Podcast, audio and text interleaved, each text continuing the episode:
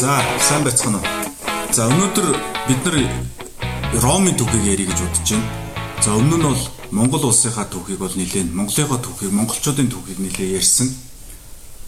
За, бид нар одоо Акбар хаанаас ахуулаад Сүбэдэ за одоо Алтан оргийн одоо удмынхны тухай Распутиныг хин хөнөөсөн за ингээд инженеаш хүртэл маш олон хүмүүсийн түүхийг бол авч үзсэн.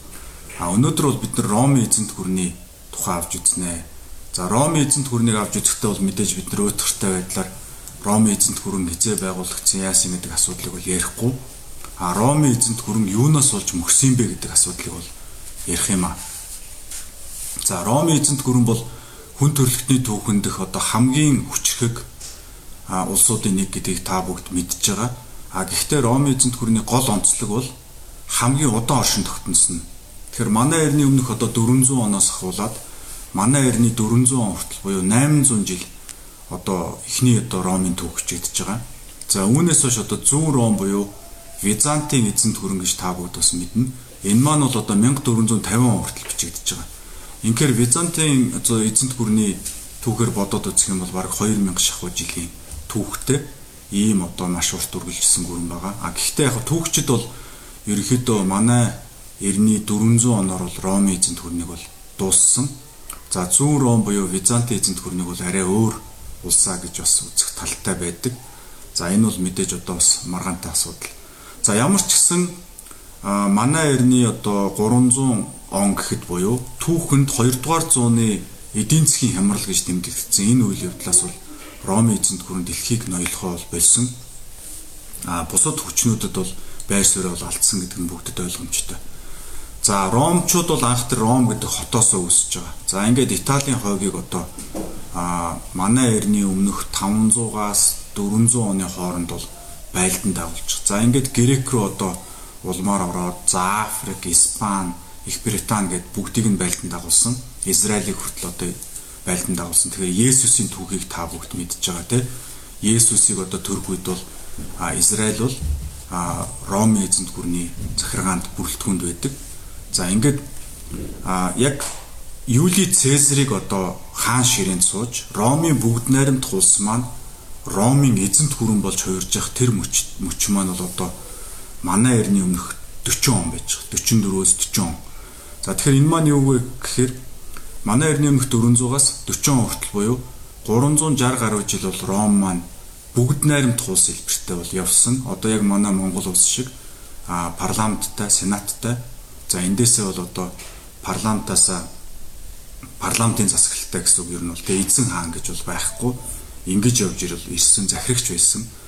За тэгэд а ер нь бол жоохон олигарх болсон гэж ойлгож байгаа. Олигарх. За юу вэ гэхээр нөгөө парламентын гишүүний хүүхэд парламент болдог тий. За эргээд одоо улсын том тендер төсөв одоо энэ бүх юмыг тэр олигарх бизнес группүүд одоо бүгдийг нь авдаг, хуваадаг. За тэгээ нөгөө дундаж Ромын иргэд бол ерөөсөө ямар ч нар өөд үзэх юм боломжгүй.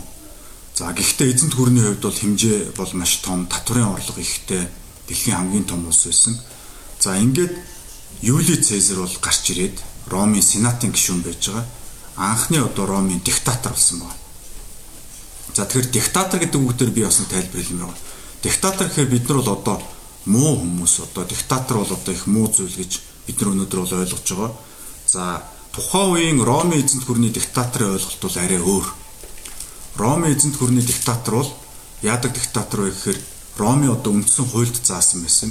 Хэвээ одоо цэрэг дайны а маш юм одоо эзэнт гүрэнд одоо аюул осол тулгарх те. За одоо сенатын олон гишүүд сууж байгаа шийдвэр гаргах боломжгүй ийм нөхцөл байдал тулгарх юм бол диктаторыг бол сенатраас томилноо. За диктатор бол 6 сарын хугацаатай үүрэг гүйцэтгэх нэ гэдэг ийм одоо ойлголт байгаа. Тэгэхээр энэ ромчууд бол бас өөрөө засаглалыг бол маш их олон зуун жил хийсэн учраас маш ухаантай байж гэж харж байгаа.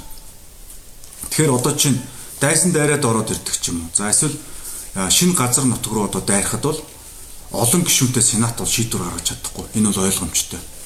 Тийм ч учраас та нар одоо компани гарах юм бол компанид юу гэж яддаг? Төлөөлөл өдөрт зөвлөл гэж яддаг. За төлөөлөл өдөрт зөвлөлийн доор бол гүйцэх захирал байдаг. Ингээд эрх үүргээ бол хуваагаад шийдвэрүүдээ стратегийн шийдвэрүүдээ бол хувааж авч явдаг.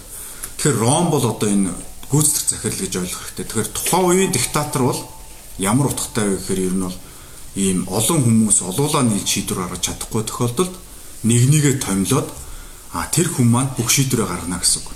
За дахиад Роми одоо энэ суурь хуулиудад юу гэж заасан байгаа вөхөр диктаторыг гаргасан шийдвэртэй нь холбож шүүхгүй гэж байгаа. Тэгэхээр энэ маань бас өөрөө бас их сонирхолтой. За одоо юу гэдгийг Монгол улс бас өнөөдөр ингээ харж байхад за ерөнхий сайдууд янз янзын шийдвэрүүд гаргаад явна те. А одоо юу гэдгийг оюу толгойн гэрээ хөдөлгөе ч гэх юм уу зогсоож гэх юм уу ингээд гаргаад явсан шийдвэрүүдийг нь эргүүлээд бид нар одоо шүүгээд байж болох уу гэдэг ийм асуудал гарч байгаа. Тэгэхээр а манай улсын ерөнхий хуулиар бол а ерөнхий сайд хүн За магадгүй компани гүйцэтгэх захирал хүн шийдвэр гаргаад тэр компани сайн сайхны төлөө улсын сайн сайхны төлөө шийдвэр гаргасан бол тэрнтэй нь холбож бол шүүхгүй. А гэхдээ энэ шийдвэрээ хувийн ашиг сонирхлын төлөө гаргасан бол шүүж байгаа эрг эрг үүсгэж байгаа юм байгаа. За тэгэхээр Ромын диктатор гэдэг ойлголтыг би та бүгдтэй тайлбарлалаа. За тэгэхээр Юли Цезар бол диктатор болсон. Диктатор боломгцоо өөрийгөө бол хаанаар зарласан. Ингээд Ромын бүгд найрамд тулс бол одоо эзэнт гүрэн рүү буюу хаант улс руу ерөөхдөө бол шилжсэн. Гэхдээ сенатаа бол хадгалж үлдсэн байгаа. За тэгэхээр засаглалын хувьд бол одоо сенат хамгийн одоо эрх мэдэлтэй байгууллага байсан бол хаан бол одоо өөрөө хамгийн эрх мэдэлтэй юм институт болж хувирсан байна. За тэгэд энэ одоо урлаг, уран сайхан, эдийн засаг, за банк санхүү, цэрэг дайны технологи, уран барилга те энэ бүх юмыг одоо бүр ориглон улсын Ромын гүрэн яагаад сүрвэ гэж. За тэгэхээр бид нар бол түүхийн хичээл дээр юу гэж үздэг вэ гэхээр а варварууд гэдэг ийм зэрлэг бүдүүлэг улсууд одоо хойноос те Германы зүгээс ч гэдэг юм уу. За зүүн зүгээс одоо Атила одоо хүннүүчүүд одоо очиод сүрүүлсэн гэдэг. За энэ бол одоо а маш өрөөсгөл. Энэ бол одоо зүгээр ийм а стандарт маягаар л одоо харж байгаа түүхийг одоо болсон үйл явдлаар нь харж байгаа нарийн цаад учир шалтгааныг харахгүй байгаа ийм л явдал. Тэгэхээр Роми эзэнт гүр ингээд байж исэн варварууд дайрсан тэгээд унтсан юм шиг л харагдаж байгаа юм л да түүхч нарт бол. А гэтэл яг үнэндээ одоо тэр хамгийн сайн сахилга баттай хамгийн том айрам за хамгийн одоо эдийн засгийн чадвартай хамгийн олон хүн амтай улс юу гэж одоо хэдэн нүүдэлчин зэрлэгүүд одоо зэвсэг муутай за дээрэс нь сахилга бат муутай эдийн засгийн зохион байгуулалт байхгүй ийм хүмүүст одоо нураагдах втэ яаж ч утсан тийм ээ. За тэгэхээр энэний учир шалтгааныг би өнөөдөр ерөөсөө та бүгдтэй тайлбарлаж өгч байгаа. За тэгэхээр юуны өмнө Ромын одоо агуу том эзэнт гүрэн яагаад сүрсэн бэ гэдгийг бид нар ойлгохын тулд Ромын эдийн засгийг ойлгох хэрэгтэй. Ромын эдийн засаг бол бүхэлдээ денар гэдэг мөнгөнд нэмэгдээр бол тогтож байсан. Денар гэдэг бол одоо монголоор төгрөг, Америкийнхаас бол доллароо гэсэн үг. За динар маань бол одоо юу вэ гэхээр мэдээч цаасан мөнгө байхгүй учраас мөнгөн зоос байгаа. Анх манай эртний өмнөх 200 оны орчимд бол Ромын бүгд найрамд хулс энэ мөнгөн зоосыг бол нэвтрүүлсэн. Худалдаанд одоо стандарт зоос. За динар гэж нэртэй те. За энэ маань бол одоо 455 г жинтэй. А тэр 455 г жинтэй зоосны 98% нь цэвэр мөнгө байгаа. Металл мөнгө гэсэн үг. За тэгээд үлдсэн одоо 2% нь бол зис болон бусад одоо орцонд орж байгаа металлууд байсан гэсэн үг. За ингээд энэ одоо мөнгө маань Ромын худалдаа 8, төлбөр тооцоо, цалин мөнгөний бүх одоо эдийн засгийн одоо эргэлтийн болгол хэмжигдэхүүн болсон. За ингээд явж байгаад бол Юли Цезар маань бол диктатор болсон гэж хэлсэн. Манай эртний өмнөх 44 онд тий. За 44 онд Юли Цезар бол диктатор болоод хамгийн эхлээд хийсэн зүйл бол юу ах вэ? мэдээж популизм. За популист улс төрч гэж юу вэ гэдгийг одоо бид нар Венесуэлийг хараад Монголыг хараад ах шаардлагагүй. Ерөөсө Ромын түүхүүдээр бол өнөөгийн Монголд болж байгаа үйл явдал бол бүгд бичигдсэн байгаа. За 2008 оны сонгуулиар одоо эхлээд ардчсан нам яанч гэдэг үлээ тедэн төгрөг олгоно гээл дараа нь Монгол ардын нам тедэн сая төгрөг өгнө гээл ингээл популизм явсан шүү дээ тий. За одоо 20 оны сонгуул бас юу болох мэдэхгүй. Тэгэхээр ер нь бол популист ийм улс төрчнөр бол одоо улам их модонд орж байгаа дэлхийд даяар. За монголчууд бид нар бол болгоомжилж байгаа. Ингээд бид нар популизмда живэх вэ гэдэг. За тэгэхээр Юли Цезар бол популист диктатор байсан учраас за юуны өмнө а айрмын цалин бол хоёр дахин нэмсэн байгаа. 112 динар авдаг байсан жилдээ. Жилдээ 112 динар. За энийг нь бол 255 динар болгож нэмэгдүүлсэн байна. Хоёр дахин шууд даблдсан. За тэгэд Ромын айрмын тоо бол тухайн үед бол 200 гаруй мянган хүнтэй байсан. За ингээд одоо диктаторт шилжээд хаант засаглал одоо юу гэдгийг те бас шууд 100% хаан биш сенаттай бас байгаад байгаа шүү дээ. Энэ эзэнт гүрний одоо тогтолцоороо шилжихэд бол а Ромын эзэнт гүрний 100 гаруй мянган зэрэгтэй байсан харим 500 мянган хүнтэй болсон. 500 мянган хүн дээр бол одоо үе үеийн хаадууд дандаа цалингийн нэмжсэн. Тэгэхээр диктатор хүн өөрийгөө одоо хамгаалахын тулд айрмыг ингэж тэтгдэг. А энэ генералуудтай цэргүүдтэй бол одоо их сүжирдэг. Тэдний цалин мөнгийг бол нэмдэг. За энэ бол Ромын эзэнт гүрэнд бас тохиолдсон үйл явдал байна. За тэгэд Юли Цезар бол өөрөө сенат дээр үг хэлж байгаад сенатын гишүүд бол диктаторыг эсэргүүцсэн сенатын гишүүд бол хутгалж хөнөөсөн. За үүнээс хойш бол эдийгээр эргээд бүгд найрамд тулсынхаа тогтолцоонд ороогүй ингээд диктатор руу шилжээд явсан байж байгаа. За би түрүү хэлсэн Ромын айран бол 500 мянган хүнтэй байсан. За өнөөдөр орчин үед бол дэлхийн хүн ам 7 тэрбум. За тухайн үеийн дэлхийн хүн ам одоо хэд байх вэ те? За өсрөөл одоо нэг 100 200 сая ил байсан биз дээ. За тэгэхээр энэ 100 200 сая хүнтэй дэлхийд 500 мянган хүнтэй айрам гэдэг бол одоо үнэхээр том. За дээрэс нь орчин үеийн дэлхийд 500 мянган хүнтэй айрамтай улс бол одоо баг топ 5 6-ад багтах байх гэж би бодож байна. Хамгийн том айрам Хятад 3 сая хүнтэй гэж сонсч байсан. За үүнээс хойш Юли Цезараас хойш гарсан диктатор хаадууд бол одоо энэ аа за Юли Цезар ч гэсэн өөрөө одоо одоо тэр Ром хотод бол маш их бүтээн байгуулалт хийсэн шүү дээ. Одоо стадион, уран барилгууд ихээр барьсан. За тэрэндээ одоо тэр гладиаторын тулалдааныг бол одоо байнга үн төлбөргөө зохиодог. Арт түмэнд бол байнга л одоо элдв бэлэг сэлт тарааж идэг. Ингээд нөгөө бүгд найрамд хулсын үед бий болж исэн мөнгөний зойр нөөцийг бол баялагын санг бол бүрэн тарааж бол дуусгасан. Ингээд Юли Цезараас хойш гарсан хаадуудын хувьд бол нэлээд их хүндрэлтэй тулгарч байгаа. Төсвийн алдагдaltaй те нөгөө татврын орлого маань эргээд зарлагаа бол нөхөж хүрэхгүй юм байдалд бол орсон байж байгаа. За ийм тохиолдолд та бүгд ямар одоо арга хэмжээ авах вэ те? Тэгэхээр манай эртний өмнөх 44 он за Есүс Христ 0 онд төрж байгаа. Есүс Христ төрж байгаа. За Есүс Христийг төрснөөс хойш 64 жилийн дараа манай эртний 64 онд бол одоо Ромын тухай төр ирж исэн хаан нөгөө 4.5 грамм байсан мөнгийг чинь эхлээд 3.9 грамм болгож жингэнд болгож байгаа. Дараа нь 3.4 грамм болгож болгосон. Манай эртний 64 онд 3.4 грамм. За тэгэд 3.4 грамм болгочоод өөрөөр хэлбэл нөгөө цул мөнгөний хэмжээд багасж гин гэсэн үг шүү дээ. Зоосны хэмжээ. Ингээд цаашдаа бол яаж гисэн бэхэр зоосныхоо жинг 3.4 грамм дээр бариад а зоосонд эзэлж байгаа нөгөө 98% цэвэр мөнгийг таньж эхэлсэн байна. Зэс гуйл одоо хүрлэр орлуулж эхэлсэн. Тэгэхээр эхэндээ бол 98% цэвэр мөнгө байсан. Дараа нь 93-аас 95% хэлбэлтсэн. Ингээд а манай эртний 85 онд бол 83% болж буурсан. 83%.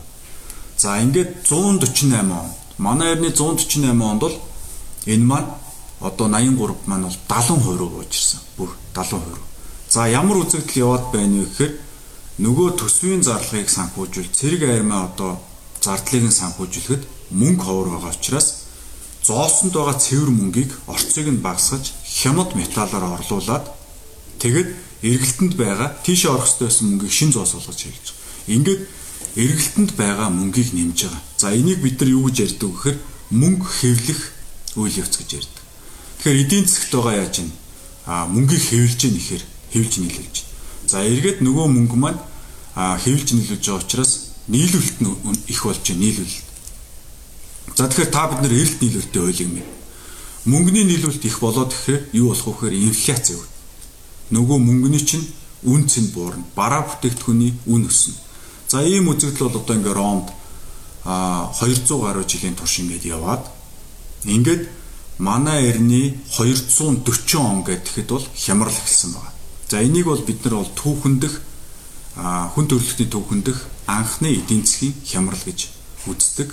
а мэдээж өргөн цар хүрээтэй хямрал тэрнээс өмнө бол мэдээж зөндөө олон хямралууд болж исэн байж таараа. За энэ бол одоо түүхэнд хамгийн их тэмдэглэгдсэн хамгийн том а дээрэс нь эзэнт гүрнийг нураасан хямрал. 241 онд эхэлсэн хямрал 300 он гэхэд бол Ромыг бүхэлдэн туйлдуулсан. За Ром бол одоо 3 4 хэсэгт бутарч хуваагдсан, иргэний дайнд нэрвэгдсэн.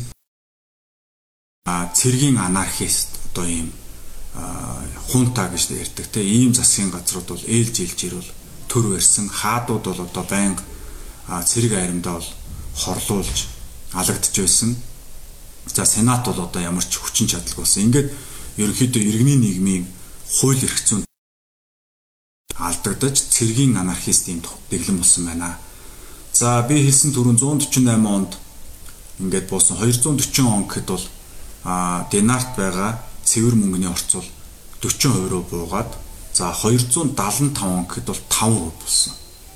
Тэгэхээр нөгөө динар зоосны 98% нь цэвэр мөнгө байснаа 275 он гэхэд бол 5% болж буусан. Тэгэхээр үндсэндээ энэ маань мөнгөн зоос биш одоо хүрэл зоос болж хувирсан л гэж одоо ойлгож байна. За ингэхээр энэ дээр бол эдийн засгийн цоо шин үзэгдлүүд гарч ирсэн. За ямар үзэгдлүүд гарч ирсэн бэ гэхээр жишээлбэл төрхтөө одоо худалдаачид нөгөө мөнгөнд итгэх байсан. Одоо та жишээлбэл бараа бүтээгдэхүүн зардаг хүн бол та хүрэл зоосыг одоо яг өмнөх 1 динарыг цэвэр мөнгөн динарыг а хүрэл динараар одоо сольж авах уу авахгүй. Инхээр худалдаа наймаа хийж байгаа хүмүүс нөгөө цэвэр мөнгөн динар мөнгөний орц арай ихтэй динаруудыг яасан бэ? Хадгалж гисэн. Одоо авдрандаа нууж гисэн. За үүнээс болоод нөгөө угаасаа нөгөө төр зэгт олдохгүй байсан цэвэр мөнгө маань улам ховордож гисэн. Ингээд ерөөсөө бид нар бол энийг Грешамны үзэгдэл гэдэг өөрөөр хэлбэл муу валют нь сайн сайн валют нь муу валютаа шахаж гаргадаг гэдэг юм. Биш эсрэгээр муу валют нь сайн валютаа шахаж гаргадаг гэдэг. Шахаж гаргаж байна. Тэгэхээр энэ үйл явдлыг бид нар юугаар Монгол улсын эдийн засгт юу гэж ойлгож болох вэ гэхээр Монгол улсад одоо тэр а зах зээл дээр эргэлдээд байгаа хүрэл биш үү? Хүрэл динар бол төгрөг За цэвэр цалин мөнгөн динар бол доллар болчихж байгаа. Энэ эдийн засгийн харилцаанд орж байгаа бизнесмэнүүдийн хувьд бол доллар бол эрхэм. Доллар үн цэнтэй.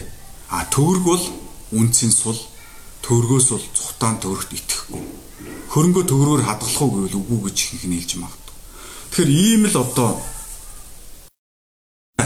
ийм түүх байгаа Ромын түүх бол энийг бол одоо эдийн засгийн ухаан судалж байгаа бүх хүн энийг судлах хэрэгтэй макро эдийн засгийн элдв хэрэгждэг хэрэгждэггүй онлуудаа яг судалдаг юм байгааз а тэрнээс өмнө Ромын энэ 3 дугаар зууны эдийн засгийн ямарлыг бүрэн судалж ойлгох ёстой.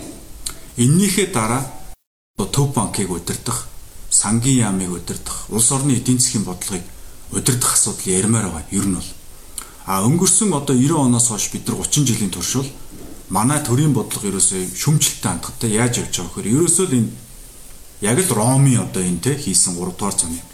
Ерөөсөө тэр төгрөг гэдэг өндөр цэнтэй байсан. Бид нар ч одоо төгрөг 20-ын зайрмаглаг нь 2 төгрөг 40 мөнгөний талхал гэн те 5 40-ийн одоо хям гэж одоо ингэж авдаг үлээш 5 төгрөгөөр одоо хям авдаг. Гэтэл өнөөдөр хэд болсон? 500 төгрөгөөр хям авах уу? Тэ? 500 төгрөгөөр талх авах уу? 500 төгрөгөөр одоо маруулж авах уу? Ийм л одоо асуудал болчиход байна шүү дээ. Тэгэхээр бид нар одоо энэ төгрөгийн аншиг тасралтгүй өөрсдөө сулж байгаа. Энийг хэн суллаагүй? Америкууд хятад ирж бидний төгрөгийн ашиг суллаа. Бид сулж байгаа. За яагаад сулж байгаа вэ гэхээр сая Роми одоо эдийн засгийн ямрал дээр бид нар ярьлаа. Ерөөсөө популизм төсвийн үрлэгэн бодлого. Ерөөсөө төсөв мөнгө чинь улам хуримтлалыг бий болгох алдагдaltaй төсөв баталдаг. Сангийн сайд нар нь инээж орж ирээл улсын хурал дээр анханасаа батлахтаа алдагдaltaй төсөв баталж байгаа. Тэгээд сонгуулийн жил болохоор алдагдал нь бүр их хэсдэг. Ягаад тэгэхээр тэр алдагдлаар популизм хийх гэж. Одоо нөгөө сонгогч нарт одоо яадгийг очиж тухайн улсын хурлын гишүүн тухайн дүүрэгт очиж одоо яадгийн зам барьж өгдөг юм уу, бисэтг барьж өгдөг юм уу. Тэгээ би барьж өгсөн шүү дээ. Татвар төлөгч нарын та бидний мөнгө шүү дээ. Би барьж өгсөн шүү гэж одоо хэлээд сонгогддог ч юм уу те. Энийг бол одоо ардчлал гэж хэлэхгүй л дээ. Энийг бол анархизм гэж хэл. Төсвийн мөнгөөр одоо тоглож байгаа энэ бол диктатор шиг. Гэхдээ олигарх диктатор юм да. За тэгээд 275 онд бол Денарт итгэх итгэл огт байхгүй болсон. Мэдээж тухайн үе Ром бол одоо бүхэлдээ нөгөө эдийн засгийг тогтоож барьж исэн Денар байхгүй болсон, хүрл болсон учраас энэ бол одоо ямар ч үн цэнэг болж өрж байгаа. Ингээд юмны инфляц гэдэг юм үзэгдэл төгрөгийн ханшиж унчих дээр инфляц бий болж байгаа. Инфляц бол одоо мэдээж маш өндөр түвшинд хүрсэн байж таараа. За тэгэд үе үеийн хаадууд бол одоо энэ эдийн засгийн хямралыг зогсоох оролдогыг бол хийж байсан. Гэхдээ а ерөөсөө энэ эдийн засгийнхаа суур учир утгыг ойлгоогүй учраас бол амжилтанд хүрээгүй. За 301 онд тухайн үед төр иржсэн Диоклетан гэж хаан байж байгаа. Энэ хаан бол одоо түүхний анхны үнийг хязгаарлах одоо зарлиг гэдэг имийг бол гаргасан. Edictus de Maximanus гэдэг ийм нэртэй үнийн дээд максимум түвшин одоо тогтоох зарлигийг бол гаргасан байгаа. За 301 онд те За энэ юг харуулж байгаа гэхээр одоо эдийн засгийн хямрал бол дээд зэгтээ тулсан. За мань хүн тэр зарилгатаа бол яасан бэ гэхээр өргөн хэрэглээний мянган шиг бараа бүтээгдэхүүний үнийн дээд таазыг бол тогтоосон. За талах тэд байна шүү. Тэ одоо юу гэдгийг тариа тэд байна шүү. Бүгдийг нь тогтоосон. За энэ одоо зарилгатаа бас юу гэж дурдсан бэ гэхээр энэ үнийн өсөлтийн буруутан бол хинбэ гэхээр шунхай худалдаачид юм аа. Худалдаачид одоо их ашиг олох зорилгоор үнийг өсгөөд байна гэдэг юм ярьсан. За ингээд ярихаар та бүгдд бол одоо а өнгөрсөн одоо 30-аад жилийн Монголын улс төрчдийн нүүр царай бол маш тод том руу харагдаж байгаа. Өөрсдөө алдагдaltaй төсөв бариад а мянган хүн амьдардаг сум руу хэдэн тэрм 10 тэрмийн зам татаад ямар ч хэрэггүй төсвийн одоо юм үрлэгэн зарлагуудыг бий болгоод төсвийн дандаа буруу бодлого явуулаад төгрөгийнхээ аншиг тасралтгүй сулалчаад эцэст нь хэн буруутдаг вэ? За нөгөө хэдэн муу банкуд, бизнесмэнүүд, одоо уул уурхайн компани, дэлгүүр хошоо те энэ хүмүүс буруутай. Бензиний үнэс нь нефтийн компани буруутай. Зээлийн хүү өндөр байна, банк буруутай гэдэг. Ингээд нөгөө э, буруутгадаг юм чи явж ш. Тэгэхээр хамгийн инээдтэй нь одоо тэрнээс хойш хэдэн жил өнгөрөөд байна одоо 1700 гаруй жил өнгөрөөд байна үү те 1700 1800 жил өнгөрсөн байна. Тэгээд харамсалтай нь бид нар одоо өнөөдөр яг тэр манай эртний өмнөх энтергээд те тэр үеийн хүмүүстэй а манай улс төрчид адилхан юм яриад өнөөдөр сууж байгаа нь бол үнэхээр одоо харамсалтай, үнэхээр эмгэнэлтэй. За тэгээд энэ Диоклетиан хааны энэ мэдээж зарлиг бол биелээгүй. Ягаад тэгэхээр үнийн өсөлтийн буруут нь худалдаачд байгаагүй. А үнийн өсөлтийн буруутан бол Диоклетиан хаан мэтийн популист диктаторууд бол байсан. За тэгээд мэдээж одоо зарлиг гаргаад одоо энийг зөрчсөн хүнийг цаазлан барина гэхээр худалдаачид яасан. Нөгөө хямдхан үнээр алдагдaltaй бараа авдаг. Зарах уу? Зарахгүй. Яасан бэ гэхээр дэлгүүр хоршоогоо хаасан. Үйлдвэрүүдэд хаасан. Ингээд Ромын нөгөө худалдаа 8-аа цэцгэлсэн байсан үйлдвэрлэл үйлчлэгээ цэцгэлсэн байсан эдийн засаг сүрсэн. Ямар ч худалдаачин тийм ээ а одоо цаазлуулах эрсдлийг аваад худалдаа 8 хийхгүй шүү дээ. Игээл худалдаа 8 зогссон. Тэр Доклотон хааны зарлиг бол тэртээ тэргүй эдийн засгийн хямралд ороод 40 50 жил явцсан байсан Ромын эдийн засагт үхлийн цохилтыг нь бол өгсөн. Үхлийн цохилтыг нь өгсөн. За ингээд худалдаачин гэдэг хүнийг бол Ромын нийгэм тэр даяараа мэдээж үзэн ядсан байж таараа. За тэгээд нөгөө авилгатай тэмцэх газар прокурор шүүх цагтаа бол бүгд л одоо худалдаачдыг үнэ өсгөж байгаа худалдаачдыг л одоо намандаг, агандаг тийм ээ эрүү үсгдэг ийм юм руу орж таарна штэ. Цэрэг цагтаа. Ингээд а мэдээж нөгөө эдийн засгийг татварыг бий болгодог, баялагийг бүтээдэг, худалдаачид, наймаачид, бизнесмэнүүд бүгд нийгмээс алга болох төр Ром хот эзгүрсэн. Та нар боддоо Ром хот одоо дотор нь хүн амьдрахгүй бараг 3 400 жил байсан. Зүгээр л юм балгасан. Яагаад гэвэл хүмүүс ойроо гарсан. Хүмүүс ойроо гарсан хүмүүс тарийн талбай руу гарсан. Яг тэгэхээр хотод суугаад ямар ч утгагүй. Жишээлбэл одоо багш хүн хинт хичээл заах юм. Багш хүн хинт хичээл заах. Философч хүн хинт хичээл заах. Эмч хүн энийг эмчлэх үү? Нөгөө л тэр хот дотор одоо худалдаа 8 хийж байгаа одоо худалдааны пүүст ажиллаж байгаа ч байдаг юм одоо энэ эдийн засгийг бий болгож байгаа тийм эсвэл хэн нэгний үсийг засаж байгаа үсчин хүн хин одоо үсчинд очиж үсээдс болох уу тийм ээ ингээд Ром хот бол одоо ингээд зүгээр балгас болж хувираад тэгээ одоогийн орчин үеийн Ром чинь бол сүулт нь эргэж сэргээсэн шүү дээ одоо а баг манай манай эртний 1000 1000 орчимч байна уу 800-аад оны үед ч юм эргэж хэсэг зур хэдэн зуун жил хайж явцсан байж байгаа. Ингээд та бидний мэддэг одоо харанхуй үе бол эхэлсэн. Түүхэнд dark age буюу харанхуй үе гэж нэрлэдэг. Нөгөө философ Аристотл, Плато, Цицеро байхгүй те. Нөгөө одоо ангаах ухаан байхгүй. Нөгөө цемент зурах технологи байхгүй. Нөгөө одоо усны насоос шахуурга одоо энэ бохирын шугам байхгүй. Лондон хот гэхэд 1700 онд бохироо зүгээр гудамжинд ил хасчихсан. Инээсээ болоод бүгдээрээ гидсний хижиг өвчнөр нас орж исэн. 1820 20 он гэхэд Лондон хотын иргэний дундаж наслалт 38 байсан. 38 настайдаа дунджаар нас ордог. 50 та хүн бол одоо юу ах нь те өвгөн төгцөг байж таарч.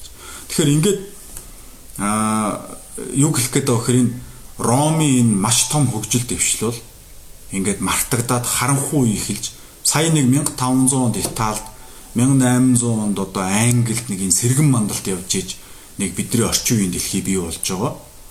За тэгэхээр популизм гэдэг бол ийм аюултай.